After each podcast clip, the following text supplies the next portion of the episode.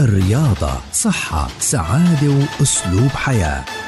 نصائح ومعلومات رياضية مهمة لجسم صحي وسليم.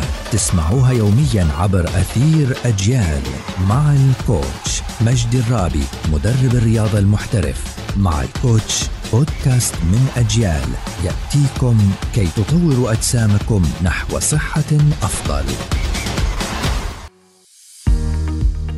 أهلا وسهلا فيكم عبر منصات أجيال المختلفة.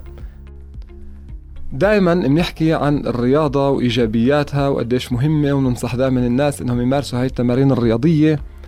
بس في رياضات عنا بنصح دائما الناس شوي إنهم يبعدوا عنها لعدة أسباب رح نحكي فيها هلأ.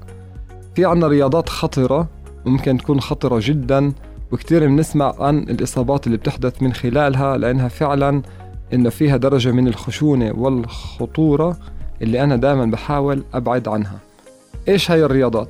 طبعا أكيد أول ما بخطر على ذهني اللي هو تمارين الفنون القتالية وخاصة اللي بيكون فيها قتال وقتال مباشر. فإحنا دائما بنشوف عنا قديش بيكون في إصابات قديش إحنا بنحضر فايتس آه، على التلفزيون أو على اليوتيوب وقديش بنشوف ناس صار عندها إصابات من هاي تمارين الفنون القتالية.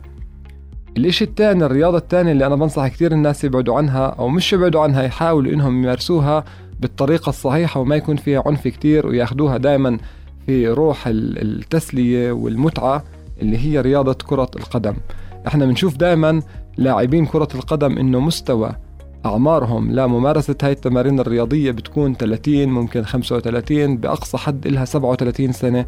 يعني إحنا عمالنا بنحكي على أعمار كتير صغيرة لممارسة هاي التمارين الرياضية. ليش؟ لأنه هاي الرياضة كتير بتتعب المفاصل كتير بتتعب الجسم كتير بتتعب العضلات.